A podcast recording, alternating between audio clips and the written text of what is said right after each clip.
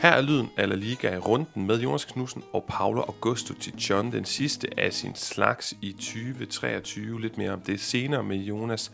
Inden vi kommer til runde 17 og de resultater, som den runde affødte, så skal vi starte med Las Bolas Calientes. De varme kugler, det kommer allerede til at blive lidt under bæltestedet der fra start. Men det er altså den direkte oversættelse på det her, som man snakker så meget om i Spanien, når der er lodtrækninger i øh, hvad kan vi kalde dem, knockout-turneringer, altså pokalturneringer og europæiske turneringer. Og her mandag, øh, vi snakker mandag aften, mandag morgen var der jo lodtrækninger i de europæiske øh, turneringer til forårets knockout-kampe.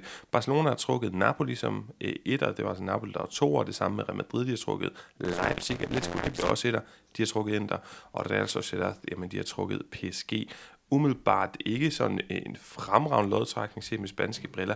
Ikke mindst, fordi vi ikke får FCK øh, og, der, og dermed spansk besøg i hovedstaden. Det er jeg virkelig træt af. Men lad os komme over til de enkelte kampe. Barcelona, Napoli, dine tanker, dine procenter.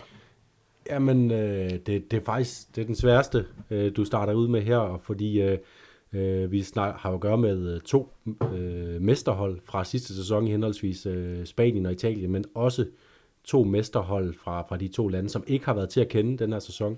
Så spørgsmålet er, hvem der er mindst til at kende øh, på, på kvalitet, og, øh, og spørgsmålet er, hvem der når at få rettet op på mest øh, frem mod øh, februar måned. Og der har jeg faktisk vidus til, at jeg tror, øh, øh Barcelonas krise stikker, stikker noget dybere end, øh, end Napolis, som er en for mig altså en midlertidig spillemæssig krise, øh, resultatmæssig krise, de er endt i, fordi de har mere eller mindre det samme at gøre godt med Napoli, og de har de har haft et langt optræk til det her, så, så jeg tror, at det er en, øh, det er en dårlig lodtrækning for FC Barcelona, og øhm, i, en, i et matchup, hvor jeg normalt vil give Barcelona favoritværdigheden, så har jeg den som 50-50.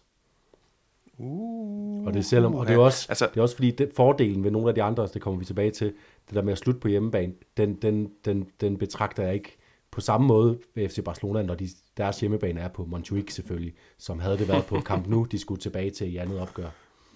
God pointe, god pointe, det er rigtigt. Jeg kan ikke se, hvis de kommer ned og taber med to-tre mål i Napoli først, at de sådan går hjem, og, og Montjuic bliver konverteret til et fort. Men det, altså, jeg sidder jo og tænker, Valder Massardi, jeg skal ikke kloge mig på italiensk fodbold, men jeg kan da fornemme, at dem, der kloger sig på det, de siger, at han er lidt af en dinosaur. Og jeg synes da ikke, Xavi er en dinosaur. Han er en ung dinosaur eller et eller andet. Ja, men, øh, men, men, men øh, jeg vil næsten hellere lige nu have en øh, dinosaur øh, i FC Barcelona, end en, som man ikke er sikker på, at nogensinde bliver det.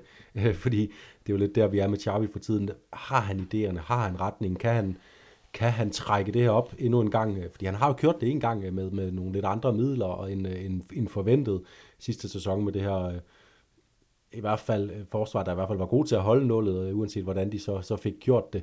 Men øh, jeg synes bare, at spørgsmålene er, er, er så store ved FC Barcelona lige nu, at jeg bliver nødt til at, at gå konservativt til værks på sådan en øh, budrunde her. Selvom jeg også har et eller andet sted en forventning om, at selvfølgelig skal FC Barcelona stå meget bedre om øh, et par måneder. Det kan være, at der er kommet en ny brasiliansk angriber til, som ryster lidt op i den her øh, grå, kedelige offensiv. Vi ser lige for tiden uh, Vitor Roque, men, øh, men stadigvæk, jeg har, jeg har for mange panderynker.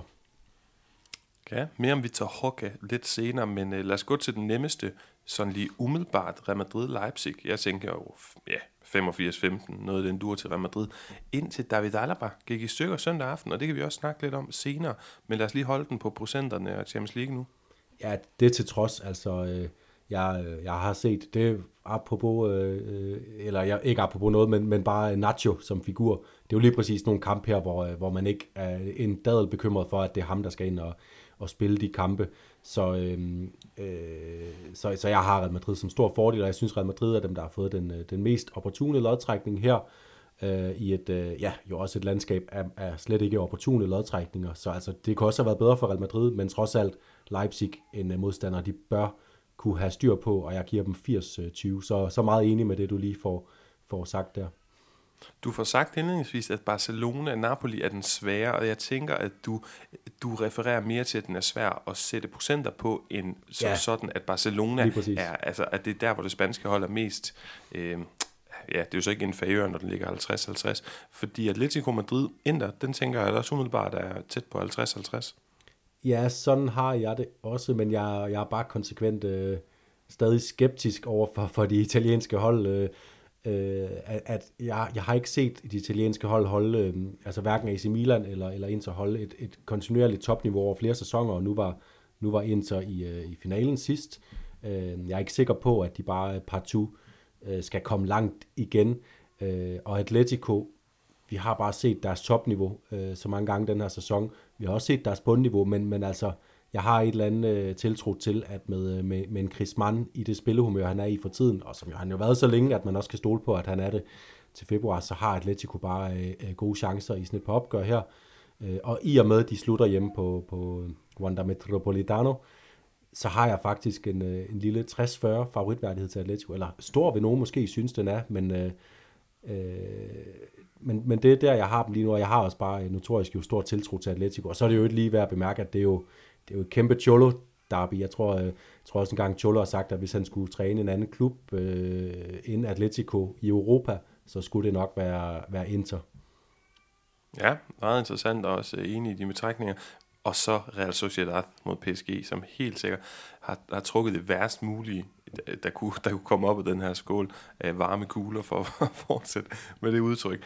PSG, øh, fordi de jo som udgangspunkt øh, udsigten til at få Kylian Mbappé øh, på besøg er ikke frygtelig sjov op i San Sebastian. Men PSG, det er jo sådan lidt et cirkus, og selvom de under Luis Enrique har fundet og fået en koncepttræner, hvor man sådan tænker, nu kommer der styr på det, og de er gået væk fra de store stjerner, og de skal bygge det op fra bunden, så møder de et hold i Real Sociedad, der er så fintunet, der har imponeret voldsomt i Europa, som er fuldstændig overlegne på bolden, som presser godt, har et godt koncept. Tør vi tro på det? Jeg tør godt tro på det, men jeg må også bare sige, nu så jeg øh, PSG's afgørende gruppefinale her mod øh, Dortmund, hvor de spillede øh, i Tyskland, og øh, der var bare nogle, der var nogle tendenser i PSG's spil, som var, var decideret skræmmende, synes jeg. De kan om, øh, om nogen øh, lige nu spille hurtigt øh, frem i banen. Øh, selvfølgelig Mbappé, øh, Mouani, øh, og øh, ham her midtbanetalentet øh, Saik, øh, Saik Emery, tror jeg han hedder. Øh, der, der er virkelig nogle spændende ting i det her PSG-hold, men, men netop et hold, som er så afklaret i en øh, spillestil som Real Sociedad, og en spillestil, som netop er bygget til at kunne, øh, kunne også kontrollere kampe, der kan PSG godt øh, få problemer rent spillestilsmæssigt, plus øh, Real Sociedad jo også bare har vist et, øh, et fantastisk topniveau, og, og det skal de jo ramme, hvis de skal have en chance. Øhm, fordi de har jo trukket, nu snakker vi om øh, Bolas Galientes, altså det her var den varmeste kugle af dem alle. Øh, det er der ingen tvivl om, og derfor så er PSG også favoritter. Jeg har, dem til, til den, jeg har den til 45-55 i øh, fransk favør. Måske lidt gavmildt ved, ved, ved Real Sociedad, i, øh, i og med, det er jo det er jo lidt David mod Goliath, men, men Real Sociedads afklarethed i spillet, det kan bare blive en bet for, for PSG, som, som netop øh, stadig leder efter øh, at ramme Luis Enrique-stilen med alle de her dygtige spillere. Så lad os prøve at gøre regnskabet op i Champions League, fordi det er jo sådan, at de spanske hold, de spiller ude enten i midtugen den 13. 14. eller den 20. 21. februar, og så hjemme igen alle fire, fordi de jo vandt deres pulje i midtugen øh, omkring 5. 6. marts eller 12. 13. marts. Det må betyde et eller andet, for nu stiller jeg jo million dollar question, hvor mange af de her fire spanske hold går videre. Ja, altså ifølge min, øh, min tal her, så burde det jo ligge et eller andet sted 2, 2,3. Det er et svært, faktisk et svært regnstykke, jeg kaster mig ud i her. Det, det, det, kan, jeg ikke, det kan jeg ikke lave, men jeg tror, øh, jeg tror vi har to tilbage. Øh, jeg tror, jeg tror, at altså Sociedad kløjs i det til sidst, efter at have kæmpet bragt, øh, men Mbappé er bare den, for mig at se den bedste spiller i verden, og ham, der kan afgøre fodboldkampe lige nu. Øhm, og FC Barcelona det, det, det lugter bare for mig af, at de, de kommer til at glide i den her bananskrald, øh, også når man ser de sidste par sæsoner i Europa, tager dem i mente, og så deres, øh, den måde, de kæmper med det i, øh, i ligaen lige nu. Det, det, set her fra, øh, fra stolen den 18. december 2023, så, så, så er det to hold, vi har videre. Real Madrid, og det er Madrid-holdene selvfølgelig, øh, Capital de Fodbold. Jeg vil sige det sådan, at vi skal have to spanske hold videre og så tør vi håbe på tre eller derover. Jonas, i Europa League, der har vi Villarreal, som fordi de vandt deres gruppe, venter på at skulle møde en vinder fra det, der hedder 16 delsfinalerne. Øh, så det er jo sådan, øh, dem, der er blevet toer i Europa League, som møder en træer fra Champions League-gruppespillet. De spiller først en runde, og så ryger hedder den 8. delsfinaler, hvor vi reelt får en vinder fra et af de opgør. Så vi kan ikke sige så meget om dem endnu. Real Betis, de, øh, de skal møde Dynamo Zagreb. De hoppede jo højst overraskende ned i den næstbedste, eller tredje bedste række er det i virkeligheden, øhm, ned i, øh, i Conference League. Jeg ved ikke, hvor meget, altså jeg, jeg skal ikke komme og sige, at jeg ved noget som helst om Dynamo Zagreb, udover Luka Modric og Alen Halilovic spillede der engang, men øh, jeg kunne godt tænke mig sådan at høre dig, fordi altså, jeg, jeg mener helt sikkert, at Real Betis de skal være blandt de største favoritter til at vinde sådan en turnering her. Ja, det mener jeg også helt bestemt, og de har faktisk fået en, øh, en god lodtrækning, selvom Dynamo Zagreb er jo et af de historiske hold, og et, et, et hold, der også historisk, historisk set vil kunne være bøvlet for et, øh, en klub af, af Betis kaliber. Øh, men, øh, men det er ikke Dinamo Zagreb, der lige nu rammer deres højeste niveau. Når de rammer deres højeste niveau, så plejer de også at være med i Champions League. Lige nu ligger de træer i den kroatiske liga, selvom som de ellers ofte har, har et rigtig, rigtig godt og fast øh, tag i. Øh, og de ender faktisk i den her gruppe bag øh, tjekkiske Victoria Pilsen, og, og kun med 9 point i en gruppe, hvor de andre modstandere er Astana og Balkani. Øh, så, så det er ikke Dynamo Zagreb, der ser øh, skræmmende ud, øh, og derfor så er Real Betis øh, øh, store favoritter til at, at gå videre. 75-25 har jeg givet dem, øh, og, og det, jeg har dalet tallet lidt i forhold til, hvad det måske kunne være, fordi jeg synes bare, det har været skuffende, det som, øh, som Real Betis har vist. Jeg synes, det var skuffende, at de ikke kunne overkomme Glasgow Rangers i den her i øvrigt objektivt set vidunderlige fodboldkamp, de spillede på Estadio Benito Villamarin med øh, øh, som vanligt tusindvis af skotter på plads, og en, en kamp, der bare bølgede frem og tilbage, som en kamp mellem et skotsk og et andalusisk hold øh, bør øh, gøre det. Så, øh, øh, men, men skuffende er Betis, at de ender i Conference League, men her bør de også gå videre og også lægge sig som sådan et ud af 5-6 hold, der bejler til den turnering. Det er juletid. Julen er ved at være over os. Det kan også godt betyde stress. Det kan betyde ja. Det kan betyde, hvor hvordan står det til på ønskelisten, og også den note, mange af os har på telefon, hvor der står øh, ud fra familiemedlemmer, kærester og alt muligt andet, hvad der skal købes til. Har du en situation foran dig, hvor du mangler en gave, så lyt godt med her, fordi Jonas og jeg, vi har arbejdet sammen med det her dansk produceret brætspil, Pondit, og det har I hørt rigtig meget om, og I får altså lige en lille smør, en lille smule længere end normalt, men det bliver kort, og vi skal nok quizze, for det er sådan, at jeg har lige snakket med Jonas Hagemann og de andre folk inde omkring Pondit, og de fortæller mig, at hvis man køber tirsdag den 19. inden kl. 3, så når det her brætspil frem juleaften. Der kan selvfølgelig altid være et eller andet med et bud, der er dovent, men det er øh, tanken, og hvis ikke, jamen, så kan I vist hive fat i dem og få yderligere rabat. Og apropos rabat, jamen så koster det her spil jo normalt 600 kroner, og nu er det sat ned øh, til 399, og I får yderligere 80 kroners rabat som lytter af Lyden eller Liga. Det kommer altså til at kunne koste 319 kroner. Et fantastisk underholdende brætspil med tusindvis af timers underholdning, fordi at det er så dynamisk, du kan trække så mange forskellige kort, og det er terninger, der afgør, om du skal quizzes i Champions League, Superligaen, landsholdsfodbold, EM, VM. Ja, alt muligt. Premier League i 90'erne og moderne og alt muligt andet. Jonas og jeg, vi tager altid øh, spansk inspirerede spørgsmål frem, men det er jo langt fra øh, så simpelt et spil. Det er virkelig underholdende. Vi har begge to spillet med vennegrupper, du kan spille det en mod en, du kan spille det øh, flere mod flere. Og det handler om at slå terninger og rykke med en brik frem på sådan en lille bitte, på det her øh, brætspil, på sådan, på sådan en lille bane, hvor du skal frem og prøve at score et mål. Der er øh, forskellige, øh, hvad hedder sådan noget, øh, ja, forskellige kort, som kan ændre tingene, takling og røde kort, alt muligt andet. Og øh, ja, står man og, og lige nu lytter til os og tænker, jeg mangler der noget til svigerfar eller et eller andet, så synes I skal købe det. Pondit, de støtter også med 100 kroner. Min kæreste lytter ikke til podcasten. Jeg kan godt sige, at for de få penge, vi tjener på det her, har jeg købt en massagegavekort til hende i julegave fra Lyden eller Liga. Så øh, det, går også, øh, det går til et godt formål. Det går i hvert fald til at støtte os. Og øh, jeg synes, I skal overveje det. Det er meget nemt. Der ligger et link. Det har, ja, omkring, øh, ja, det, det, det minder om, jeg tror, vi omkring cirka hver 25. af vores lytter har købt et af de her brætspil. De er glade for det. Det er altså ikke en eller anden shady aftale. Det er et anerkendt brætspil. Der ligger et link i podcastteksten. Jonas, det var min smør. Nu skal vi til at quizze i det. Og jeg havde egentlig fundet et kort frem til dig, men du siger, det er din tur, så jeg, øh, jeg er allerede nervøs. Ja, og det øh, har du god grund til at være, og jeg, jeg tror, det er en kamp, vi har, øh, jeg tror, vi har vendt den en gang på et pundit-kort, fordi jeg, jeg er jo gået ned i VM-bunken, øh, fordi vi har været meget omkring den her kategori, de europæiske ligaer, hvor man virkelig har kunne finde meget guld fra, fra La Liga. Men, øh, men nu er jeg gået lidt over i VM-kategorien, og der skal vi faktisk til øh, den største spanske fodboldtriumf nogensinde jo, øh, Spaniens VM-sejr over, øh, finalesejr over Holland den 11. juli 2010 i Johannesburg. Øh, 1-0 på mål af Andres Iniesta, og det kan jeg godt sige, det navn, fordi det er Holland, jeg gerne vil pege pil i retning af. Jeg har her et, øh, et, et kort, hvor man i øvrigt skal gætte øh, en spiller, som, fik, øh, som, som lavede en øh, ikonisk stempling i brystkassen på Xabi Alonso. Øh, Nigel de Jong. Præcis. Men øh, jeg har Hollands startopstilling foran mig, og der er, øh, nu tæller jeg lige en gang mere for at være sikker, 1, 2, 3, 4, 5, 6 spillere, som har spillet i øh, en eller flere spanske klubber. Seks hollandske spillere i startopstillingen VM-finalen 2010, som har eller efterfølgende har spillet i, i spanske klubber. Øh, så øh, du tager den bare indtil du, du fejler. Øh, Jeg vil godt god starte med bumleje. Wesley Snyder og Ian Robin. Det er helt korrekt. De ligger i øh, træerlinjen bag en Kan du ikke fortælle mig, hvilke positioner, eller er det for tidligt at bede om? Det må du gerne få. Det er faktisk øh, to øh, midtstopper, så er det en venstre bak, og så er det en central midtbanespiller.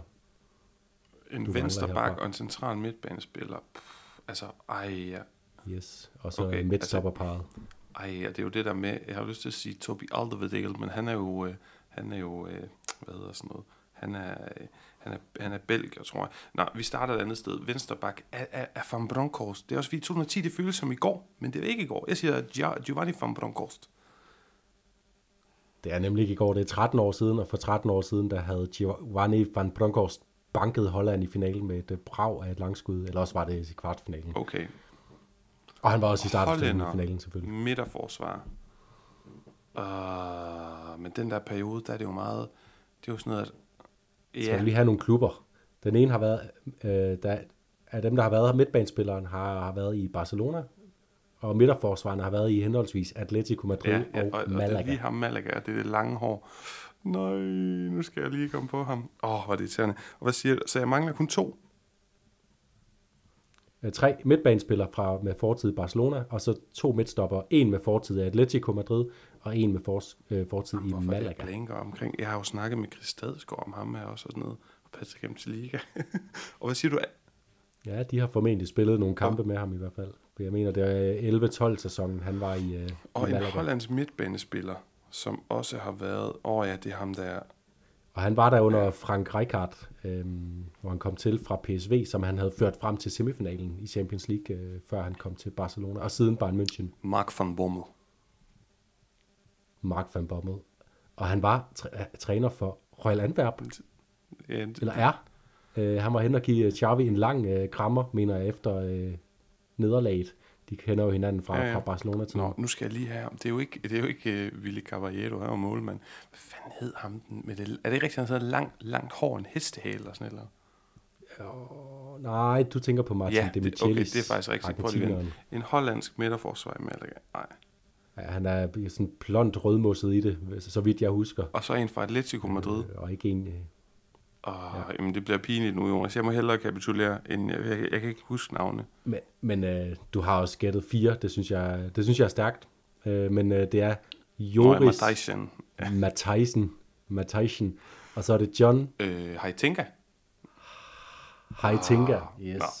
Så, så fik du egentlig øh, f- fem ud af seks point, vil jeg gerne sige, fordi du, du kom mig i forkøbet med, med, for, med efternavnene på, på begge to. Så en lille serveret til dig, når vi skal kort. Det tager jeg Og man kan jo bruge det her brætspil, som man har lyst til. Men jeg siger bare, jeg kunne nemt stå i en situation, at jeg sad og lyttede til en podcast øh, mandag aften den 18. december eller tirsdag den 19. og tænkte, jeg mangler noget. Det er et link. Det er en god gave til 319 kroner. Du gør dem glade. De støtter lokalfodbolden. Der er 60 dages returret. Du støtter den her podcast. Og du har garanteret timevis af fodboldnørderi og underholdning. Så det synes jeg da, at du skal gøre. Men nu skal vi videre til La Liga-snak, Jonas. Fordi runde 17 bød på masse fine kampe, og også ret mange ikke så fine kampe, for at være helt ærlig. Fredag aften, Osasuna Rayo 1-0 på en sen scoring fra øh, ham her, Raul Garcia, med det mytiske navn. Lørdag, der fik vi Celta Granada 1-0. Celtas blot anden sejr i sæsonen.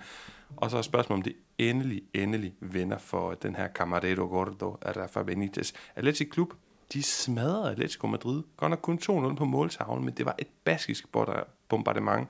Og Jonas han havde flot forudset det, og det glæder jeg mig også til at høre lidt mere om senere. Sevilla Getafe øh, Sevilla taber 3-0 hjemme. Bordalas-båden, den gynger derudad. De fortjener stor ros. Det samme kan man jo ikke sige om Diego Alonso. Prøv lige at høre den her statistik. Efter blot to måneder er han selvfølgelig fortid i Sevilla er blevet fyret. Kike Sanchez Flores er kommet ind, det kan vi snakke lidt mere om senere, men jeg faldt over den her statistik på Twitter. Blandt de 10 bedste spanske hold i evighedstabellen, som vi tit refererer til, der har der været hele 531 træner forbi i historien. Diego Alonso er den eneste af de her 531 træner, som ikke har vundet en eneste kamp efter at have stået i spidsen for sit hold i minimum syv kampe. Det er altså pinligt. Nå, Valencia Barcelona 1-1. Joao Felix han skubbede bolden over stregen i et flot angreb, og så troede man, at Uno var tilbage, men det ville uh, Ugo Guillermo anderledes reel genopstandelse i den her kamp, det var måske ikke Uno Sadismo, men det var Hugo Guillamon, som nærmest på årsdagen for hans sportslige rute smed bolden op i hjørnet med en flot ro. Og, og vi skal bare lige huske på, at det er en spiller, som vi ikke helt ved, om vi har kategoriseret nu som centerback eller pivot. Søndag, Almeria Mallorca 0-0, La Real Betis 0-0. Palmas, Las Palmas og Cadiz, de kunne score et mål hver, men så kom der mål i Real Madrid via Real 4-1, og det var selvfølgelig tiltrængt. Og mandag aften, som vi optager, Jonas, Girona Alaves. Men jeg synes, vi skal prøve at snakke øh, indledningsvis om den nye mand på trænerbænken i La Liga, Kike Sanchez Flores, fordi øh, efter Sevilla taber øh, meget eftertrykkeligt mod Retafe, så bliver han sat ind. Det er jo en mand, vi sidst kender fra, at han røg ud på røv og albu i Retafe. Var det noget med, at han ikke vandt den eneste af sine første 10 kampe, eller fik han overhovedet point i det Retafe-start der? Hvorfor har man valgt ham?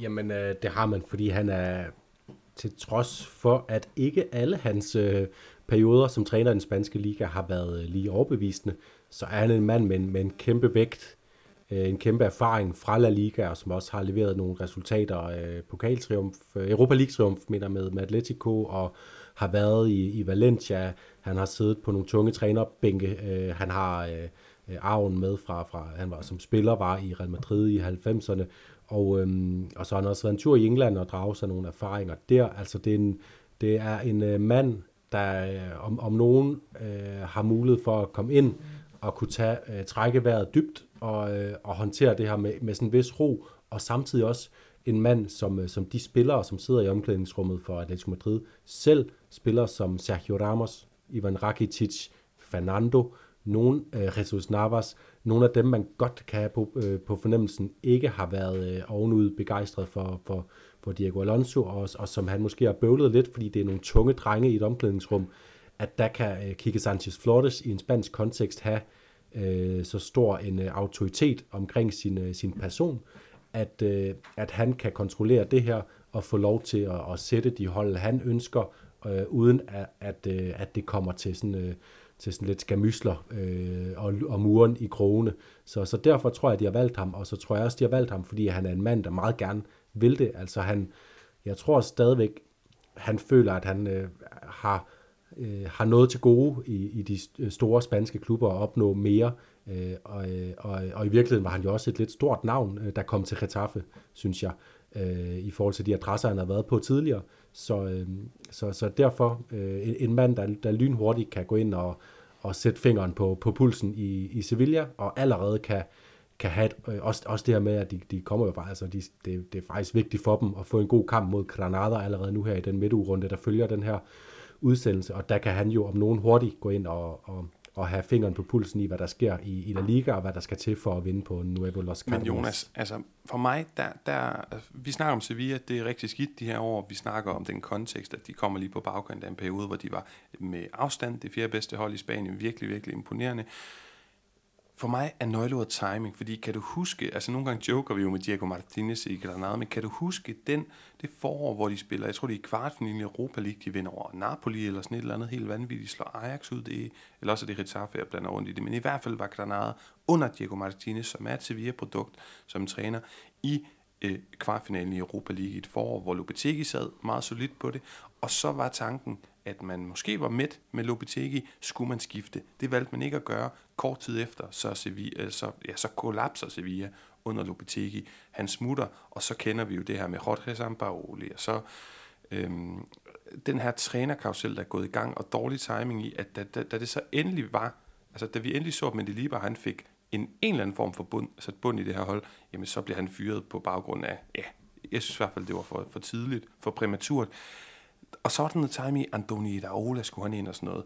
Det er vigtigt for mig at sige, at jeg siger ikke, at Andoni Iraola han kommer. Det, det gør han jo ikke, nu det kigger sådan til Flores. Jeg siger heller ikke, at Diego Martinez vil have løst problemerne dengang. Men der er noget timing, hvor man virker til, også fordi der har været, vi ved, hvor stor Monchi var, hvor stor en indflydelse han havde på det her hold. Han røg ud, vi til Orta er kommet ind. Det ser ikke imponerende ud. Det, øh, det var ham, der pegede på Diego Alonso, og det er slet ikke særlig, det er gået særlig godt. Timing er for mig nøgleordet, og så vil jeg bare lige også sige, øh, ja, Kike Sanchez Flores er et stort navn i Spanien, både som spiller og som træner. Det er en mand, som man associerer med en attraktiv form for fodbold på papiret, men han er ikke et stort navn, som man ved går ind med trænergærning og kan levere som Ernesto Valverde, som Marcelino, som Una Emery, bare lige for at sige det. Nej, han har nemlig en mere plakket øh, øh sådan resultatliste at, at fremvise, men, øh, men jeg tror simpelthen, at nøgleordet er, at det, det er et, et sikkert kort, og nu har og netop lagt hovedet på blokken med Diego Alonso, ny mand, man har hentet ind, og sådan, øh, på, øh, på, i halen af de andre øh, trænere, der har været siden Lopetegi, så, øh, så har man bare brug for i Sevilla og, og, og lige sådan øh, dække sig lidt ind i forhold til at kunne sige, jamen, øh, hvis, det går, hvis det går galt her inden for de næste par måneder med Kike Sanchez Flores, kan man sige, jamen prøv at høre, vi, vi, vi vælger et kort, som har stor La Liga-erfaring, han har, øh, han har i hvert fald øh, kunne, kunne sikre sin hold øh, i øh, ligaen, øh, at de ikke rykker ned, og, og han burde være et, der kunne løfte med det spillermateriale. Sevilla trods alt har løftet dem over. Det som det handler om, og det er også det, vi blev enige om øh, i sidste runde øh, udsendelse, så vidt jeg husker, at, at det handler om for Sevilla om overlevelse. Der er ikke, der er ikke noget lige nu med at stræbe efter, efter nogle europapladser eller noget, og det bør, det, det, har, det synes jeg, at, at øh,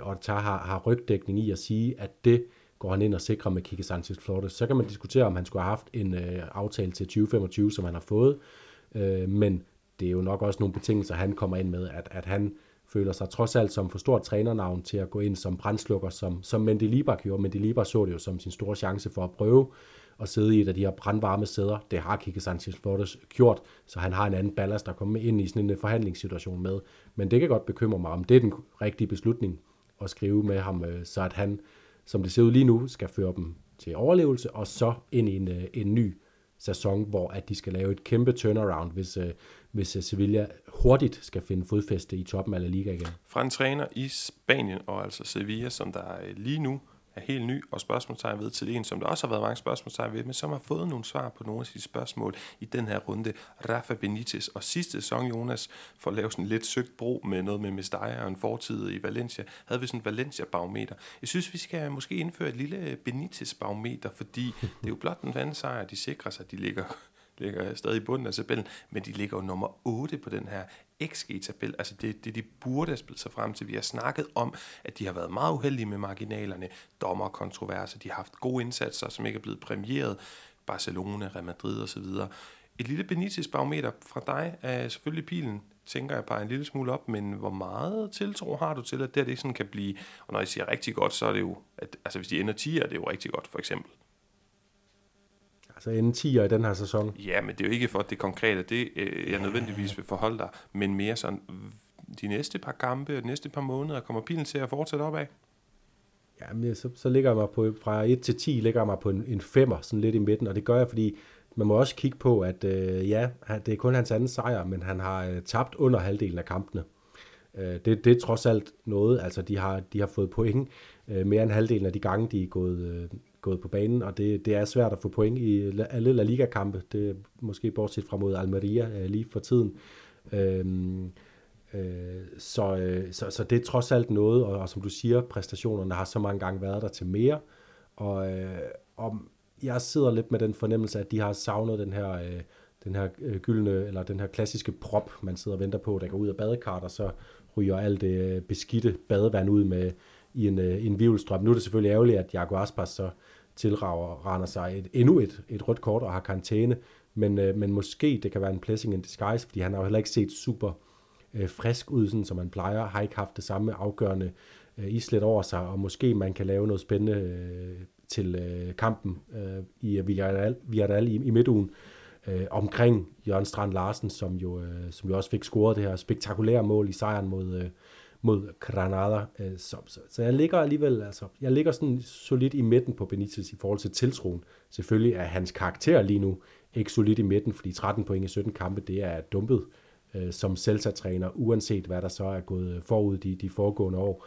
Og som Rafa Benitez, så skal man kunne hive mere ud af, ud af det. Ja, også fordi spillermaterialet er altså mere interessant. Altså, hvis du spørger mig, så vil jeg hellere have det, end jeg vil have Valencias, eller Alaves, eller Las Palmas, og de ligger jo ja, altså deroppe eller bedre. Så øh, lad os prøve at se, hvad der sker. Jeg synes nemlig også, der er et par spillere, Jørgen Strand Larsen, der gør det øh, rigtig, rigtig fornuftigt. Der er flere spillere, Renato Tapia er begyndt at komme ind igen, og jeg vil holde øje med det her selvsamandskab, fordi jeg synes faktisk, der er øh, nogle spændende tendenser i det. Men Jonas, vi skal videre. Vi skal videre til kampen mellem øh, de røde og hvide bluset Atletic Klub mod Atletico Madrid. Du, for, du, du forudså, at det her ville ske. Jeg synes, det er meget imponerende af dig, fordi hvis man kigger på statistikken, det var 13. forsøg, og endelig fik Ernesto Valverde ligesom øh, skoven under Diego Simeones Atletico-hold for, altså som træner for Atletic Klub.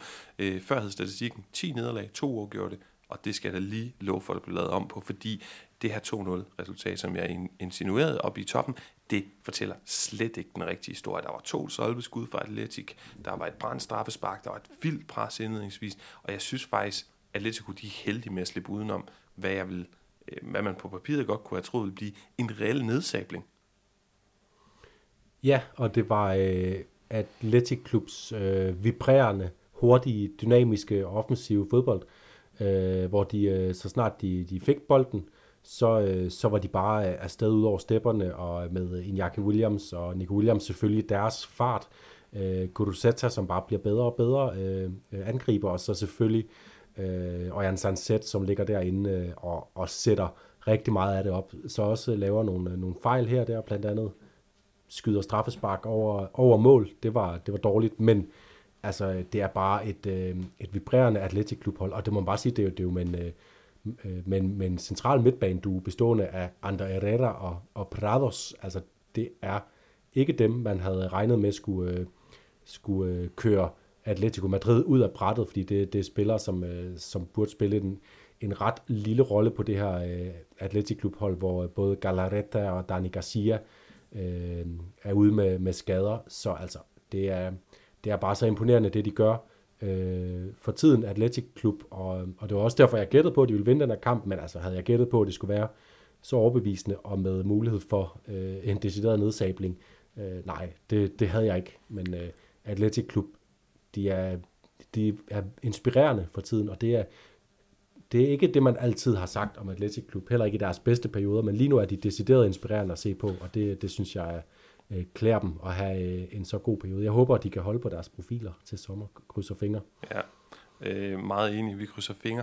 Ja, og det er jo heller ikke det her med at være inspirerende. Det er jo heller ikke noget, et, et markat, vi nødvendigvis altid har haft på Ernesto Valverde. Jeg synes jo, at hans øh, Barcelona-hold var bundsolidt. Det var sådan noget med, hvad hedder vores øh, gode venner, Paulinho og Arturo Vidal, der kom løbende ja. og sådan noget der. Men det var bare bundsolidt. Altså, det var bundhammerende solidt. Selvfølgelig ikke lige de her knockout-kampe i Champions League, men I ved, hvad jeg mener. Og lige nu er det ikke bundsolidt, vi kalder det. Vi kalder det inspirerende champagne-fodbold, hvad jeg kalde det offensivt. Ja. Jonas, lad os lige hoppe over i Atletico-lejen. Jan Oblak, han øh, siger efter den her kamp, at vi er et hold hjemme, og så er vi et andet hold ude på udebane.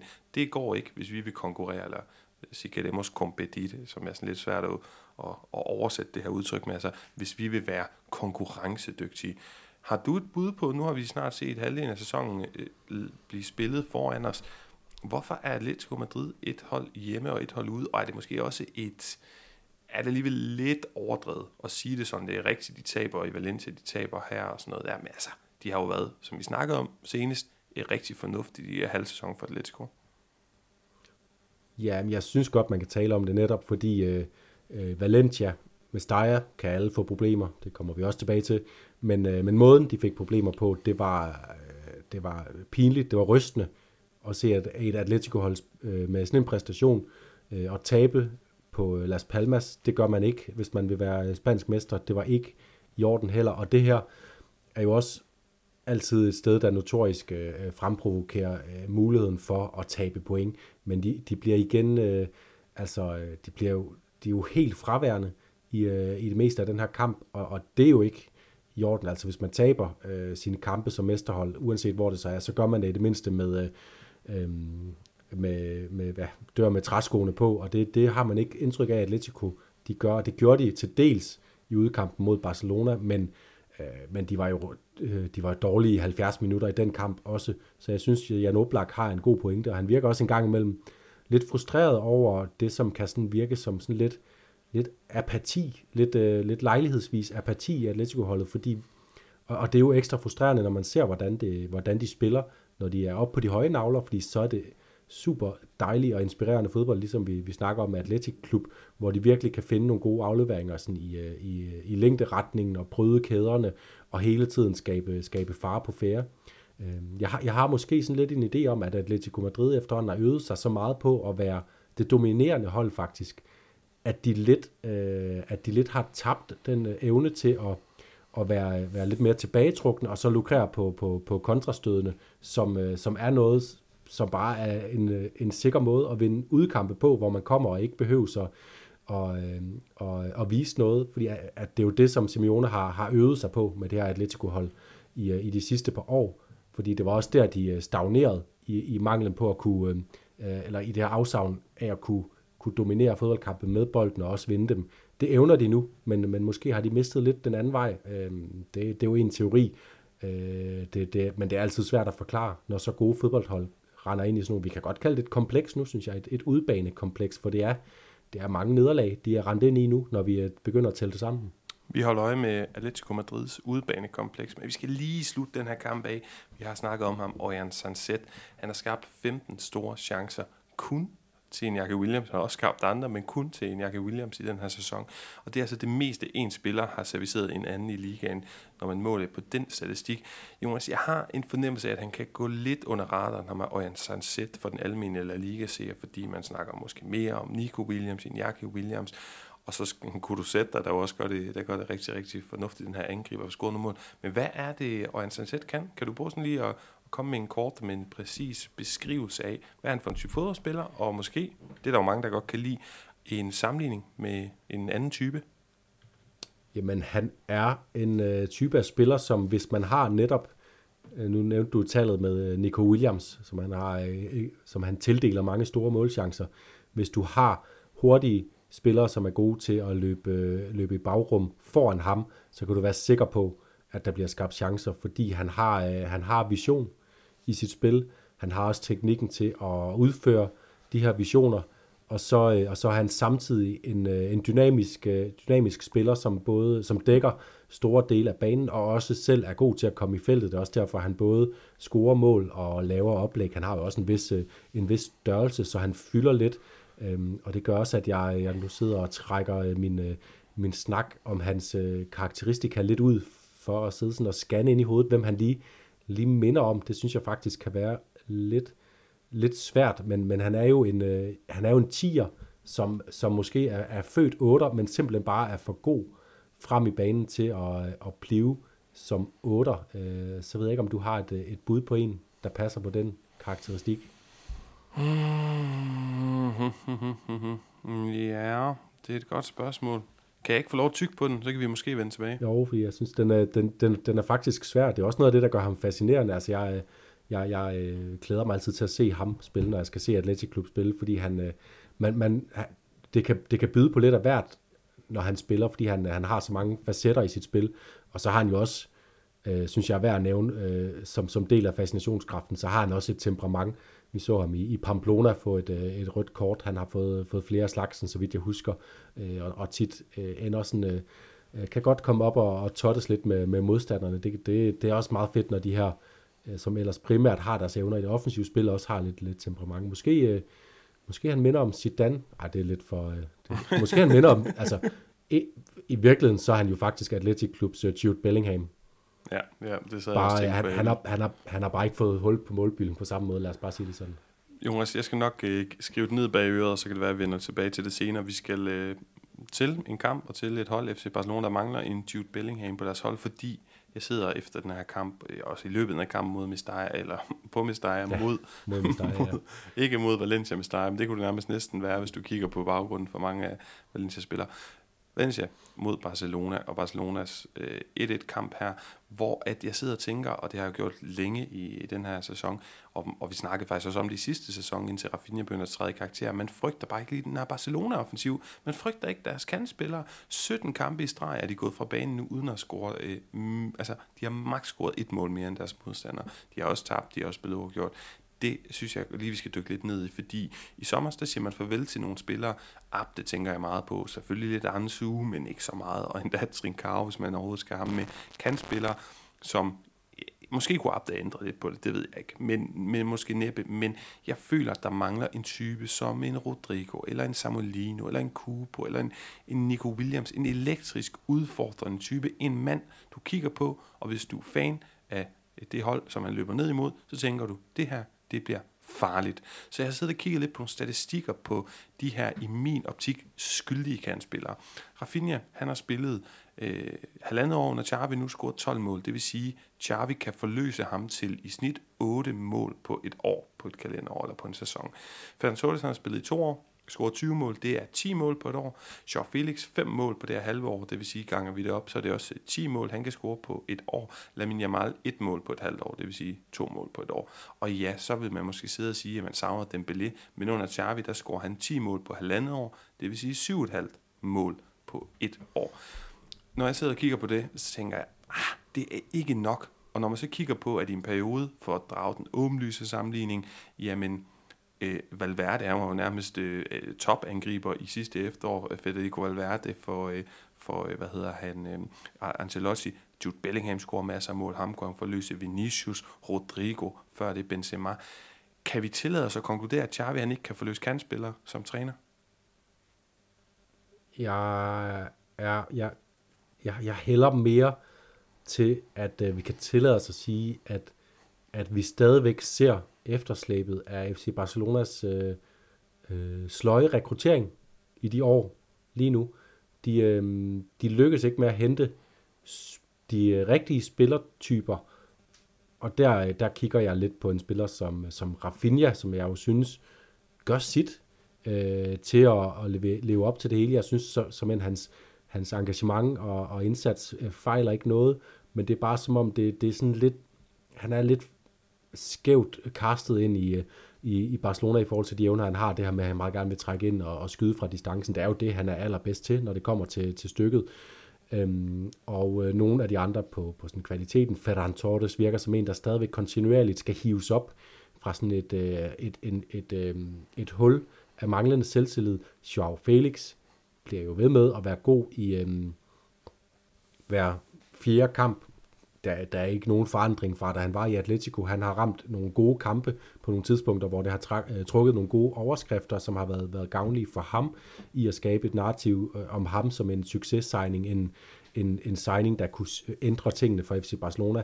Det har han bare ikke gjort, øh, fordi at øh, også sådan en kamp som den her på Mestalla, nu, nu scorer han et mål, som han ikke jubler over af et eller andet årsag, men, øhm, men, men han mislykkes med så mange ting. Han tager så mange fejlagtige beslutninger, hvor han, han prøver at lave nogle ekstremt svære ting i nogle faser, hvor FC Barcelona skal prøve at holde fast i deres tryk. I stedet så mister han bolden så nemt som ingenting. Og det er de her...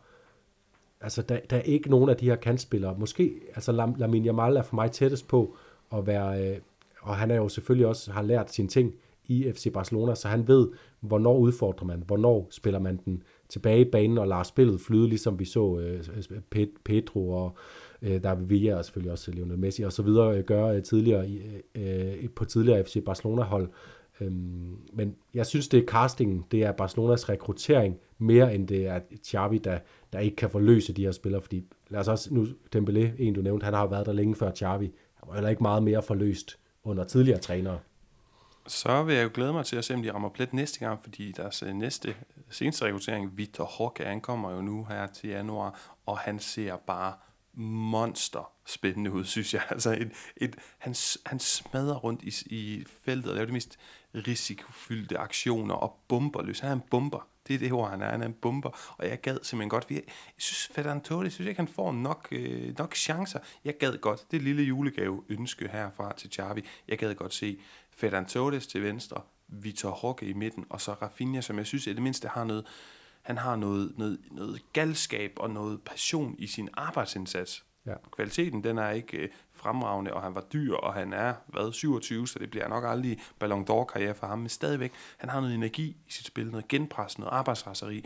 Fedder Sortes til venstre, og Finnes til højre, Victor Håge i midten. Nøj, det gad jeg godt se, de tre med blod på tanden fra start 3-5 kampe på et eller andet tidspunkt i foråret. Det vil jeg tro kunne løse et eller andet. Det vil være en usædvanligt øh, kraftfuld FC Barcelona-offensiv, øh, som til gengæld vil savne noget af den finesse, som, øh, altså det, det er et mærkeligt match med Gündogan, De Jong, øh, Pedri, og så Rafinha, øh, Roque, Ferran Torres foran, men, øh, men, men hvem siger, det ikke skal kunne, så skal de jo bare levere bolden til dem, og så se dem øh, buller rundt deroppe. Øhm, øh, men øh, altså jeg er stadig overbevist om, at der skal, Vitor Roque, han er et skridt i rekrutteringen, og det er til, at øh, Lewandowski jo er gammel, øh, og også ved at se lidt træt ud i spillet. Altså, han, selvfølgelig skal han ind og, og have nogle chancer med det samme, Rokke, sådan som tingene er lige nu, men, men, men Rokke er et, også et langsigtet øh, træk mod at få noget bedre øh, øh, ind i den fronttriv, og så skal kantspillerne rekrutteres på et senere tidspunkt. Og jeg, jeg, jeg kan jo, jeg kan jo øh, Øh, håbe, at, at øh, FC Barcelona bliver sådan fanget i deres eget økonomiske moras, og ikke får råd til at købe Joao Felix, for jeg tror, de har lyst til at gøre det af en eller anden årsag, selvom han bliver, også bliver dyr og, og af Atletico, men han er ikke løsningen. Det, det kan jeg bare ikke se længere. Altså allerede nu synes jeg bare, det, det er for meget af det samme fra ham, for, for ustabilt. Øh, så jeg tror simpelthen, der skal noget helt nyt til. Jeg tror ikke, det bliver Rafinha, Roque, Torres, der bliver øh, de næste fem års Barcelona-trio. Det vil være så dumt, hvis de hentede Joao Felix. Det, det er jeg helt enig med dig i. Jonas, har du andet på den her kamp, eller skal vi hoppe videre til Real Madrids sejr over Villarreal? Det er jo bemærkelsesværdigt, at FC Barcelona i den grad savner øh, Oriel Romeo, men øh, at Oriel Romeo i den grad øh, formår at fuck det op, når han så øh, spiller. Altså det er et catch-22 for Xavi, at, øh, at, øh, at, øh, at det er for let at øh, spille rundt om den FC Barcelona midtbane, der er lige nu, men ham, der kan ordne problemet. Han er, han er nede i et dybt hul og har brug for en pause. Jeg tror, han skal, blive, han skal, han skal bringes på et senere tidspunkt. Han har brug for den her lille julepause, og så må ikke, altså han, han, han kan løfte sit niveau. Vi har set ham spille øh, for Girona, hvor han absolut ikke har lignet den spiller, han har gjort for Barcelona på det sidste. Han var jo rystende i Barcelonas Champions League midtugkamp i øh, Amberes, i øh, diamanthovedstaden i det nordlige Belgien. Men øh, øh, ja, det, det, det, det er øh, endnu et, et mærkeligt ting for Xavi. Og så, så er jeg glad for, at han lytter til, til lyden af La Liga, fordi nu havde han jo trods alt valgt at spille med Cancelo på højre bak og Balde på venstre bak den her gang, som jeg synes, det, det bør være for FC Barcelona, at have to øh, backs, der kan spille frem i banen. Det løste ikke problemerne for FC Barcelona. Den her kamp, hvor de igen havde det svært, men, øh, men øh, ja, Xavi prøver i det mindste at, at, at famle sig lidt frem efter nogle, øh, nogle løsninger. Så hopper vi til den sidste kamp på programmet, Real Madrid mod Villarreal 4-1 til Real Madrid. En kamp, som godt kunne være blevet ødelagt, at David Alabas knæ blev ødelagt, eller godt kunne blive ødelagt, at der vil komme øh, grimme scener og infights mellem Alex Baena og Fede Valverde. Den kunne også være blevet ødelagt, at Real Madrid var komfortabel foran, gik ned i et gear, så fik vi Real pludselig et mål ud af ingenting. Men ja, det kunne egentlig også være blevet ødelagt, at Marcelino han kom ind og viste sine trænerkundskaber. Men det gjorde den ikke. Hvorfor gjorde den ikke det? Hvorfor blev det... Det blev alligevel en festfyrkeri på et tidspunkt, og Real Madrid vade de chancer. Jamen, øh, Villarreal var dårlige de var ekstremt dårlige. Gud, var jeg synes, det var jammerligt. Altså, øh, det, det var, jeg synes, det var, det, øh, der, var, der var rigtig mange gode præstationer for, for Real Madrid, men jeg sad på intet tidspunkt og var sådan, øh, jeg, jeg kunne ikke lade mig imponere, for jeg synes, at, at Villarreal var så usammenhængende og dårlige, at, øh, at, at, at man næsten ikke kunne undgå at se, at se mægtige og, øh, og, og dygtige ud som, som modstander, og det, det skal ikke tage nogen som helst kredit for, for Real Madrid, fordi det kan jo være, at de også har, har fået dem til at se så, øh, øh, så sløje ud, men, øh, men, men det er den nemmeste kamp, Real Madrid har spillet øh, den her sæson, øh, by far. Godt, jamen så hopper vi videre til øh, uh, Kåre. Nej, vi skal lige... Uh, vi, jeg har faktisk uh, en lille anekdote, og det er jo sådan, at vi har lidt efter anekdoter omkring spansk fodbold i den her podcast, og jeg har fået nogen fra en masse forskellige. Jeg glæder mig til at bringe dem, kommer til at bringe mellem jul og nytår i sådan en lille special, så I kan høre lidt uh, der til lytterne, der kommer til at savne spansk fodbold mellem uh, jul og nytår. Men en lille anekdote om Brahim Diaz, for jeg kommer til at tænke på, at han gør det godt. Han, han, han har en fantastisk detalje, hvor han vender midt på banen. Rigtig flot ja. lille pirouette eller roulette, eller hvad vi skal kalde det. Går ind, er fuldstændig agerig, sætter et par mand, scorer, uh, som var det, uh, ja, det nemmeste i verden. Og jeg kommer til at tænke på, at dengang jeg i, øh, i 2019 var i journalistpraktik nede i Spanien, nede i Malaga, så opsøgte jeg faktisk, dengang var det et hotshot, der var kommet frem, og han var skiftet til Real Madrid, og man tænkte, hvad kunne det ikke blive til? Så opsøgte jeg hans øh, barndomsklub, hvor han havde været som øh, ung, ung spiller, Tito Pichon, og øh, havde nogle kontakter der, og øh, kom ind og snakkede med hans gamle træner, hans ungdomstræner. Det er en lille, bitte, bitte, meget ydmyg klub, øh, lidt uden for Malaga centrum. Og øh, blandt andet er historien også, at han efter sit skifte til Real Madrid var tilbage i Tito Pichon og fik sådan øh, lavet sådan en lille form for, det, det er ikke sådan en fodboldsala, men sådan en udendørs bane, hvor med mindre dimensioner, så man kan få øget det her tekniske spil. Den har han sponsoreret økonomisk og lagt navn til, og var forbi til en fin fotosession. Jeg prøvede sådan at komme i kontakt og prøve at finde ud af, hvad er hemmeligheden bag, hvis der overhovedet er en. Og det kan jo være sådan lidt for tærslet, søgt øh, narrativ, jeg også har prøvet at kigge ind i. Men jeg så nogle træninger med de her unge spillere, og de forklaret mig, nogle af de her ansatte i klubben, øh, hvordan man træner spiller her. Og det er et hissigt pres, de er under. Altså ikke på en ubehagelig måde, men de skal hele tiden slippe bolden. Der er hele tiden meget, meget høje krav, for de er 5, 6, 7 år til deres tekniske færdigheder. Vi kender det her spil gris, man har i Danmark, jamen dernede er det jo øh, sådan, at øh, du, du skal simpelthen prøve at myrde din modstander, du må kun have to berøringer, altså du skal spille den svært til folk, de skal hele tiden øves i at blive bedre og bedre, blive udfordret. Og så så jeg blandt andet et træningspas med en aldersvarende gruppe, 6-7-årige, som også var der, hvor han var der, hvor at målmanden Jamen han, bliver simpelthen, han må ikke sparke langt. Han skal ramme en medspiller i fase 1 opbygning konstant. Og de her spillere, de skal arbejde konstant med, deres, med begge ben. Og øh, de påstod ned til Pichon, at da han kom, jamen, så var han altså absolut højrebenet. Og da han forlod dem og smuttede til Malagas ungdomsafdeling, der havde et mere professionelt setup, jamen så var han begge benet. Altså de har, de prøver virkelig sådan at fremprovokere det her at være ambidestro, hvad hedder det, begge benet på dansk i sit det der trænerarbejde. Det var meget, meget, det var meget inspirerende at følge, hvordan at de på en behagelig måde fik de her unger til at have det sjovt, men hele tiden virkelig pressede dem i, at deres tekniske færdigheder, de skulle være fremragende hos alle spillere. Lidt på Brahim Dias, det snakker vi også om sidst med Jonas, det her mål, det er jo fuldstændig vidunderligt. Ja, fra ende til anden, og, øh, og du nævner pirouetten, øh, det der to, to berøringer, han laver ind i feltet, hvor det ene går til, øh, ja, netop med begge ben jo, fordi han trækker bolden til venstre med højre ben, og så træder han lige sådan lidt over den, uden at det er en decideret, øh, øh hvad, hvad kalder husmandsfinte, øh, og så flytter han bolden til, til højre side, som jo også er netop i, i det her, du snakker om, øh, den her tekniske træning, den her med hele tiden at kunne øve sine færdigheder i at have bolden tæt på andre. Noget af det, man snakker om, hvis man flytter bolden fra side til side, så gør man det svært for modstanderen at, at komme ind på ham, og det gjorde han i en, altså i en, en situation, der endda skaber afslutningsrummet øh, for ham. Det var, det var, et storslået, øh, det var en storslået sekvens med Brahim Diaz, som, øh, som også ligesom, nu, snak, nu spurgte du mig sidst, øh, også var det forrige gang, hvor jeg, hvor jeg sådan rangerede ham, øh, og, og her steg han der lige øh, 25 procent i, i graderne, fordi det der, det var på et, øh, det var på et sublimt niveau, som, øh, som ikke står tilbage fra nogle af, af de holdkammerater, han har i, i den ellers udmærkede Real Madrid-trup. Ja, han vokser altså på den gode Brahim Diaz for tiden. Ingen tvivl om det. Jonas... Øhm... Og lige en sidenote, altså det, der, der findes en lignende bane i Middelfart, øh, som er skænket af Christian Eriksen, og, og han har også fået sin fodbold, op, noget af sin fodboldopdragelse i Ajax, som har nogle af de samme idéer om, øh, om, om at kunne spille presset i små rum. Så der er også øh, øh Altså, det, der er nogle linjer der. Ja, men det er altid godt at komme fra Malaga til uh, Odense, uden at det sådan er, er for alvor særligt søgt. Jonas? Med, middelfart. middelfart. Og middelfart, ja. Endnu, endnu mere lokalt, men selvfølgelig lidt længere væk fra, hvor du sidder lige pt. Den her Alaba-skade, havde det været to måneder, så havde jeg været nærmest ligeglad, fordi Nacho han bare er garant som ja, backup.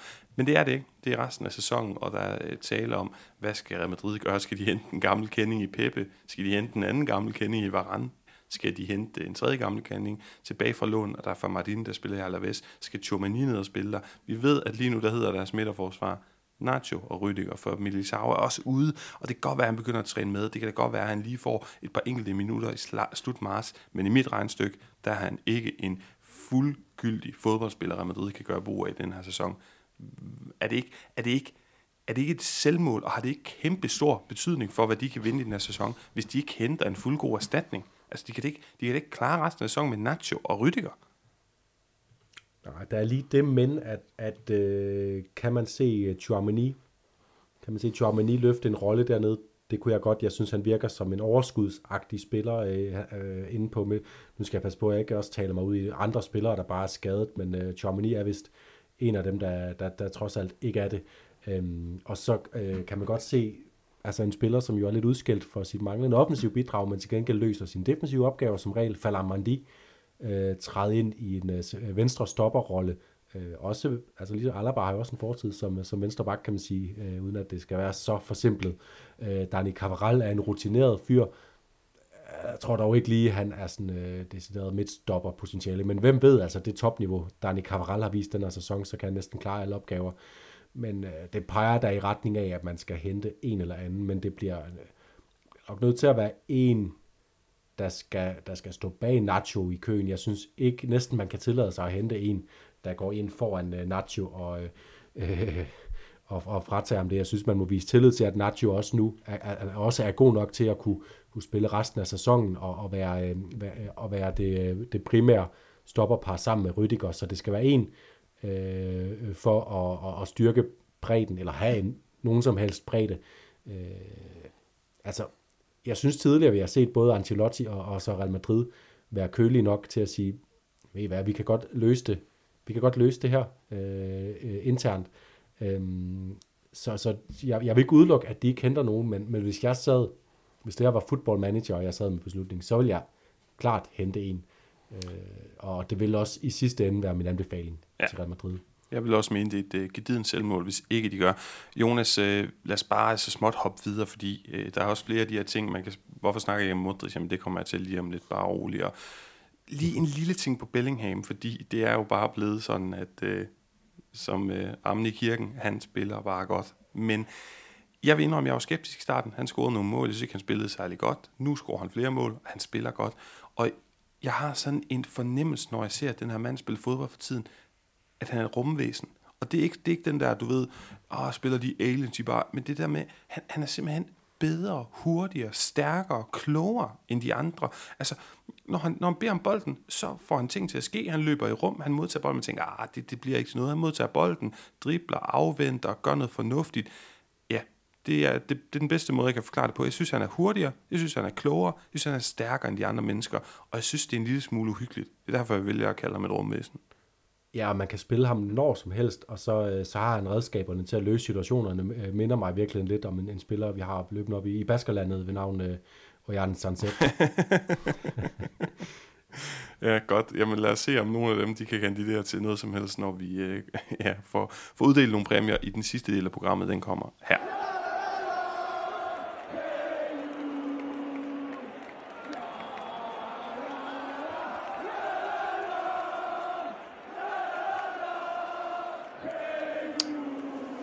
Jonas El Detazo de la Jornada. Den detalje, der stod for dig efter spillerunden, det kunne jeg gætte på, kunne være Nico Williams venstrebens hook op i hjørnet. Jeg kunne også gætte på, at det var Ugo Guillemons højre, ja. højre hook op i det modsatte hjørne. Men der var også en Dagonasso, en lækker helafslutning fra Rodri Playa. Det er sådan de tre bud, jeg lige umiddelbart har, men der er helt sikkert andre, der gemmer sig. Ja, så det mål, vi lige har snakket om, Prime Diaz, uh, har jeg også noteret mig. Og uh, ja, det er faktisk også den, der er min favorit, fordi det er en hel sekvens, hvor der er, øh, alt går op i en højere enhed for ham, og det er ikke bare sådan tilfældigheder, det er, det er fuldt kalkuleret, og det er øh, tekniske detaljer på aller øverste øh, hylde, leveret i et øh, tempo, som, øh, som, som gjorde det uimodståeligt. Der var intet at stille op for det altså ellers også øh, søvndyset øh, Villarreal-forsvar, men, men lige præcis den her situation må man bare øh, strække gevær og sige, eminent fodboldsekvens af Brahim Diaz. Øh, så, så den er min spidskandidat. Jeg er enig. Vi giver den til Brahim Diaz. Jonas, under El Hugon, den spiller, der har leveret flottest, øh, der startede jeg med, bare fordi, åh, jeg synes, han er vild. Borja Mayoral. Og øh, jeg kan lige så godt sige det, jeg skifter det her efterårssæson øh, halvsæsonshold, som jeg skifter underbukser, men lige nu, der er han nier på det her hold, og vi optager jo altså et efterårshold øh, på fredag. Fredag formiddag udgiver det der lige op til jul, så man kan høre, hvem vi har sat øh, på det hold. Og jeg ved, at du har en, øh, en kommentar øh, i den forbindelse. Det må gerne være, at øh, Borg Maja skal smide sig i holdet, men det, der er også noget til lytterne. Ja, det er nemlig, at vi vil gerne, øh, ud, vi sidder hver for sig lige nu og, og brygger på, hvordan øh, vi skal sætte det her hold, og så, øh, og så kæmper vi så øh, øh, om, hvordan det, det skal ende med at se ud som et samlet hold, men vi vil også meget gerne have øh, jeres input, jeg lytter os input til, hvordan øh, holdet skal se ud, og det må I meget gerne smide som enten kommentar bare offentligt på Twitter eller Facebook. I må også gerne sende det privat til mig og Paul, men hellere bare, øh, bare tag os ind på Twitter eller Facebook, og så, øh, og så, øh, og så kom med et argumenteret bud på, hvorfor øh, det kan være, hvis du, hvis du synes, at øhm, øh, Pacho Espino har stået ekstremt godt på venstre bak øh, for, for Rayo, efter han kom til fra Cardis. Så lav lige sådan et kort argument, hvorfor skal Pacho øh, Espino på vores øh, årets hold. Og så har vi nogle, øh, nogle guldhold til øh, forårets La Liga Managerspil inde på holdet.dk. Vi kan udlåde blandt de, de bedste øh, bud, der kommer ind inde på, på torsdag. Så, øh, så lad os endelig høre fra så mange som muligt og øh, få nogle friske bud. Og gerne altså nogen, som ikke er... Altså, øh, lad os sige, Jude Bellingham kan du godt byde ind med, men øh, han ender nok på holdet. Så vi vil gerne have nogle af dem, øh, de, sådan, de spillere, jeg har sådan lagt mærke til, som måske ikke alle har, har lagt mærke til, og måske selv kan overraske os, øh, der, der ellers ser, ser vores del af, af spanske fodboldkampe. Så øh, tag os, argumenter, se om du kan få en mand på årets hold, og vinde måske et, øh, et, et guldhold, til, hvor vi også laver selvfølgelig igen et Lyden af La Liga gruppespil til, til næste halvsæson. Hermed givet videre Jonas fra Majoral til guldhold til øh, mit bedste bud på El Juan de la Jornada. Der er også noget sentimentalitet i det, men øh, Luka Modric, og se hvordan han 38 år gammel render rundt på den der fodboldbane. Det er imponerende. Han scorer et mål. Han er bare han er vild på alle mulige punkter. Det oplæg, han har til Jude Bellingham, han spiller bare fantastisk. Han spiller sådan en pseudo højre kant, 10 og alle mulige 8 til højre. Og han gør det varmavne, og han presser, og han er ja. helt vild agerig. Og man sidder og tænker, ah, nu kan han snart ikke mere, og hvis han kan noget, så skal det være med flødefoden ned, dybest nede på midtbanen. Men nej, nej, han er stadig aktiv. Det er så vildt. En ode til en af øh, de absolut største midtbanespillere nogensinde. Blandt de 10 bedste midtbanespillere nogensinde. Det kan jeg slet ikke være nogen tvivl om. Og for mig, så er han i hvert fald et fornuftigt bud på den bedste spiller i den her runde. Jeg kan ikke være mere enig. Øh, Prime Diaz var også et godt bud, synes jeg. Øh, men Luka Modric, og du brugte netop, øh, jeg brændte det ind med, med netop en pointe om Modric, om den her agerighed, han spillede med i kampen. Han var oppe og presse som nier i flere tilfælde nærmest, altså helt op og lægge tryk på Philip Jørgensen og, og, og, og, og ligner bare en, der har tænkt sig at bide tænderne sammen og sige, nej, nu lignede det lige, at han måske var på vej ud, men sat med nej, altså han skal vise, at han stadigvæk er der, øh, og øh, er, på et utroligt højt niveau, og det gjorde han bare den her kamp, og du brugte netop ordet agerig, og det var det, jeg havde, det ord, jeg havde ligesom pinpointet om den her indsats fra Modric. Vi kender hans kvaliteter, bare han ved at, at have mistet lidt øh, knisten, motivationen, øh, så viste han med den her indsats mod Villarreal, at det er han overhovedet ikke. Han har tænkt sig at, øh, at lade de der unge spillere sidde ude på bænken lidt længere tid endnu. Så Kammervingar og Chomini, de må bare op sig igen. Også fordi Fede Valverde, synes jeg også var en fornøjelse på den her øh, øh, øh sekser position, han i virkeligheden spillede den her kamp, og som han egentlig, tror jeg, gerne vil byde ind på i fremtiden, selvom vi har set ham være så god på andre positioner. Men det var en anden tangent, Luka Modric, rundens rukkeren. Det er fremragende, Jonas. Så skal vi til vores øh, kategori, vores skala, Koman og Kempes to figurer med øh, modsatrettet betydning i Valencias fodboldhistorie.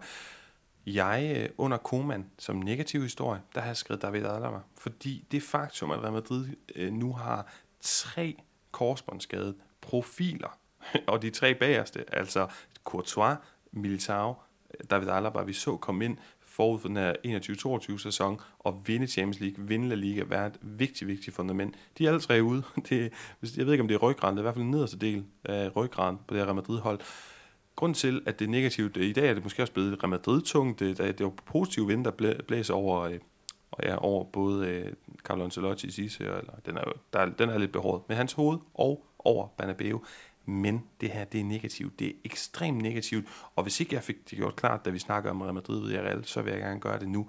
Jeg var begyndt at tænke, det kan så godt være, at Real Madrid kan vinde Champions League, selvom de ikke har en nier, fordi det er da også noget svært noget for modstanderne, der med at skulle rende rundt og, og dem op for alle de her falske nier, eller folk, der kommer i anden gelede, og så videre, og så videre.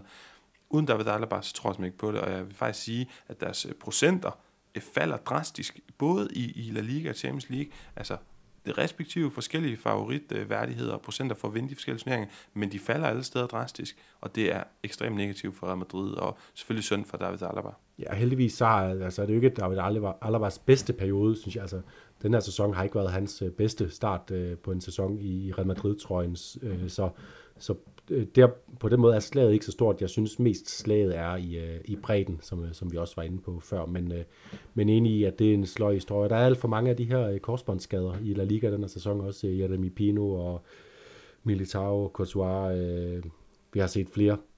Øh, flere ja, ham, der, der, det er noget med, at der er sådan en lille ung øh, terrier inde på Barcelonas midtbane.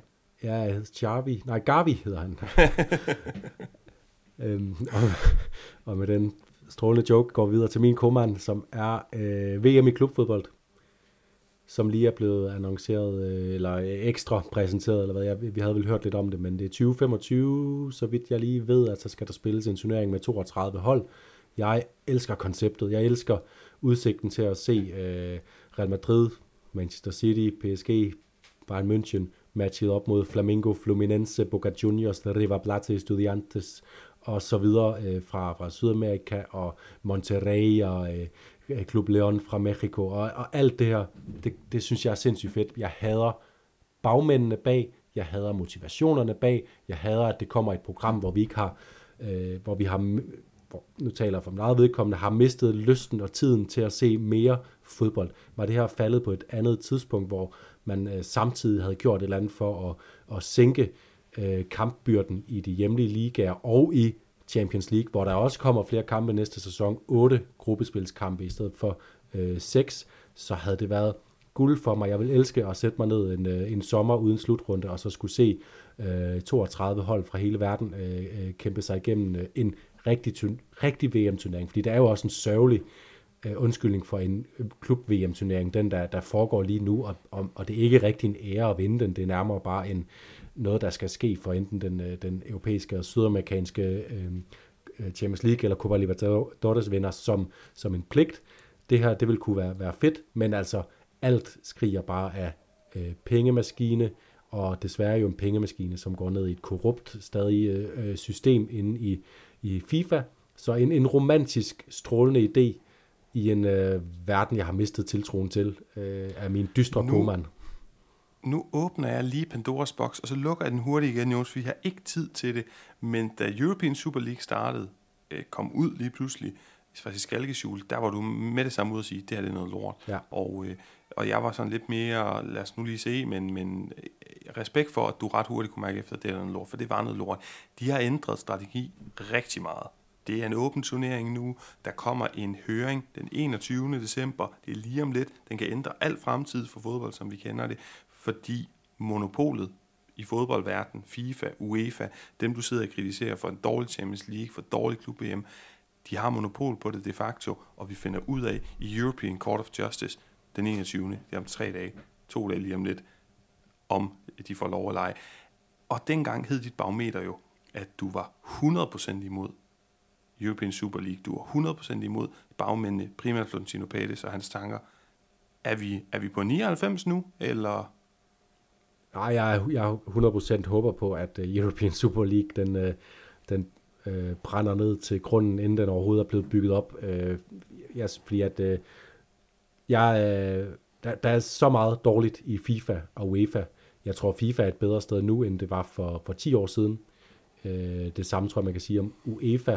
Øhm, der, fordi at der er kommet så meget frem i lyset, der, der, der må være en bevidsthed om, at, at der er nogle ting, der skal gøres bedre, og, og dertil så, øh, så tror jeg stadigvæk, at løsningen er stadig i den demokratiske, om end den er en, en vakkelvogn demokratisk form, så den demokratiske form i fodboldverdenen, hvor det stadigvæk er øh, mig som medlem i en fodboldklub i Danmark, som medlem af DBU, som medlem af UEFA, som medlem af FIFA. Det er den pyramide, der skal, der skal forvalte fodbolden fremover. Det er ikke Florentino Perez og Joan Laporta. Godt. Vi hopper videre til noget positivt. Kæmpes kategorien, og jeg kan gøre det kort. Der er fire spanske hold, der går videre, som et i Champions League, og så er der to fra Premier League. Det er dobbelt så godt i spansk fodbold, så behøver jeg vist ikke at sige mere. Det er, det er super. Jeg går til min kæmpes. Det er øh, jeg, jeg, dem, der har hørt klubprofilen med Valencia, vi lavede, øh, hørte mig lige kort på et tidspunkt nævne det her, øh, øh den her forening, Libertad Valencia Club de Fútbol, Libertad VCF, som er en, øh, en sammenslutning af fans, som øh, arbejder mod og, øh, og, og eller kæmper imod Peter Lims ejerskab i Valencia. De, øh, de gør det med kampagner, de gør det med demonstrationer, øh, som er velbesøgte i, på omkring Mestalla. Den her weekend har de taget den, det næste skridt, eller i hvert fald et sjovt skridt for mig at se. De har nemlig lejet nogle øh, lastbiler, som har kørt rundt i London af alle steder med, øh, med budskabet Peter Lim, Singapore, Valencia CF, Tragic Tale. De vil for alt i verden gør hele verden opmærksom på, at øh, den her mand fra Singapore er i gang med at ødelægge deres klub på den værst tænkelige måde, og, øh, og det arbejde synes jeg fortjener en, øh, en og symbolsk flot, at det er Kempes, Mario Kempes, der ligger navn til, til den her kæmpe, som pryder med Steyer som en ud af flere øh, store ikoner i Valencias historie. Øh, jeg hæpper rigtig meget på Libertad VCF. Fremragende. Jonas, så skal du have, øh, hvad hedder det, gjort Las Cuentas op, hvad hedder sådan noget. Øh, fortæl os lidt om forudsigelserne. Hvad gik hjem, hvad gjorde ikke? Ja, og øh, du fører jo 13-10 inden den her runde. Og jeg noterer mig, jeg har, jeg har bare skrevet Celta Granada ud for dig, og nu har jeg glemt, hvad du troede, men, men du troede vel, at Celta ville vinde over Granada. Og du fik så ret. Endelig fik, de en, uh, endelig fik de en sejr. Så 14 point til dig. Et, et point til dig op på 14 på den. Og så troede du, Barcelona ville vinde på Mestalla.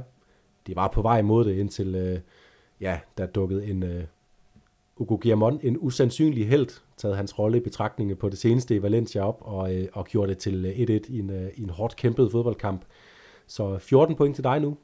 Og øh, jeg, som du var inde på tidligere, sagde jo, at øh, Atletic Klub de vil slå Atletico hjemme på San Mamés. Det gjorde de hurtigt. Business done. Et point til mig op på 11. Og så troede jeg, at der skulle komme under to mål i Las Palmas. Cardis, det, det lignede det godt nok også øh, langt hen ad vejen, men det ender altså 1-1 mellem de to øh, lavest scorende hold i, øh, i La Liga indtil videre den her sæson. Så øh, 14-11, du holder din 3 pointsføring. Jeg har kigget på, at Atletic Klub, de vinder her i midtugerunden lige før jul over Las Palmas. Den er jeg sikker på, den vil jeg gerne sætte et kryds på. Og så er jeg lidt i tvivl, fordi Villarreal mod Celta. Jeg har lidt lyst til at sige, at Villarreal vinder, hvis jeg skulle hælde mod noget, men jeg kunne også kigge på et kryds. Og Betis mod Girona, der har jeg lyst til at være våget at sige, Betis vinder. Der kunne det også være et kryds. Så lad mig starte med at spille Atletic vinder over Las Palmas, og så vil jeg lige høre dig, og så kan det være, at du måske kan hjælpe mig i mål med nummer to. Så synes jeg nemlig, at du skal tage en Villarreal-sejr, fordi at jeg, et af mine bud, det er, at Celta de får point. Både Stadio øh, La Ceramica, de har jo været gode til at få point, så, som jeg var inde på, de har fået point i over halvdelen af kampene. Celta, nu fik de der boost med en sejr, de har spillet godt. Villarreal har jeg uh, de så, de så dårligere ud, end de har gjort under øh, øh, Kike Setien øh, på noget tidspunkt øh, på øh, Santiago Bernabeu. Jeg synes ikke, Marcelino er kommet ind og har fået sat skik på det her Villarreal-hold. Jeg tror godt, de kan slå sig på, på Celta. Så Celta får point på Østkysten, og Sevilla, de vinder i Granada. De får øh, sejren, og, øh, og Kike Sanchez Flores kommer til at understrege det narrativ, som du var inde på, omkring Diego Alonso som den mest håbløse træner i Sevillas historie, ved i første hug at give dem øh, tre point, og, og sørge for, at han i hvert fald ikke kommer i samme dårlige selskab som Diego Alonso. Åh, oh, ja, okay, så lad gå. Men, ja, så de får point, men det er også, Villarreal skal selvfølgelig, de er jo også favoritter over Celta på papiret, eller noget. Så fair nok. Jeg spiller, at Villarreal vinder. Du siger, at Celta de får point. Og så på den måde har vi en direkte head-to-head. Det kan jeg ikke huske, hvornår vi senest har haft. Det, øh, det bliver underholdende at, at følge med, Jonas. Og godt se det selvom, her så, så, går jeg lige ud og siger, at uh, Celta de vinder i Villarreal. Så er vi, så er vi straight head-to-head, uden nogen, uh, noget handicap til mig. Okay, det er modigt det skal ikke, der skal ikke være nogen tvivl om, at det håbede jeg, du ville sige. Men altså Celta som øh, et mere notorisk bundhold, i, hvert fald øh, uden for subtoppen af spansk fodbold, som minimum i de senere år, der skal på udebane mod Villarreal. Ved du hvad? Det synes jeg er modigt af dig. Og, og godt set det her Sevilla, Sevilla Granada, det, øh, ja, Granada de er forfærdelige, så hvorfor ikke? Det kan jeg da godt se. Og Sevillas mandskab, deres potentiale, det er selvfølgelig stadigvæk meget bedre end, øh, end Granadas, og end sådan som det går lige pt. Jonas, det blev en lidt længere udgave af slagsen, så lad os uh, få stoppet, uh, inden vi begynder at dykke ned i endnu kaninhul om European Super League, eller hvad det måtte være. Og så tror jeg også, vi fik lavet det med en sunset. Det var noget med Zidane og, uh, Zidane og Bellingham, no pressure kid. Øhm, og så skal vi jo bare sige, at øh, det har vi jo sagt, men fredag formiddag, der laver vi altså sidste udsendelse, der er mig, i 2023, og det bliver øh, halvsæsonens hold, og det var jo 50-50, 100 procent, øh, eller ja, det siger sig selv, 50 plus 50, det giver 100, men det var fuldstændig ligeligt 21 stemmer til, at vi skulle sætte det afhold i start i januar, når der reelt var spillet 19 runder, og 21 stemmer på, at vi skulle gøre det nu. Og så kom Patrick Hofsonne og Jonas Hebo Goldman ind og øh, afgjorde det til dem, som jo altså synes, at det er fedest at få lige her en jul. Så det laver vi på fredag, og mellem jord og nytår kommer der lidt herfra, uden din røst, Jonas, med nogle anekdoter tilsendt fra lyttere og kender af spansk fodbold. Det var alt for nu. Jeg håber, at I har været glade for at lytte med. Jeg håber, at I får en god jul med spanske pakker under træet, og jeg håber, I vil byde ind med inputs til efterårshold. Og jeg håber, at nogle af de pakker, I får eller giver, det bliver Pondit Brætspillet. Er du i tvivl, så kontakt os, ellers bare følg linket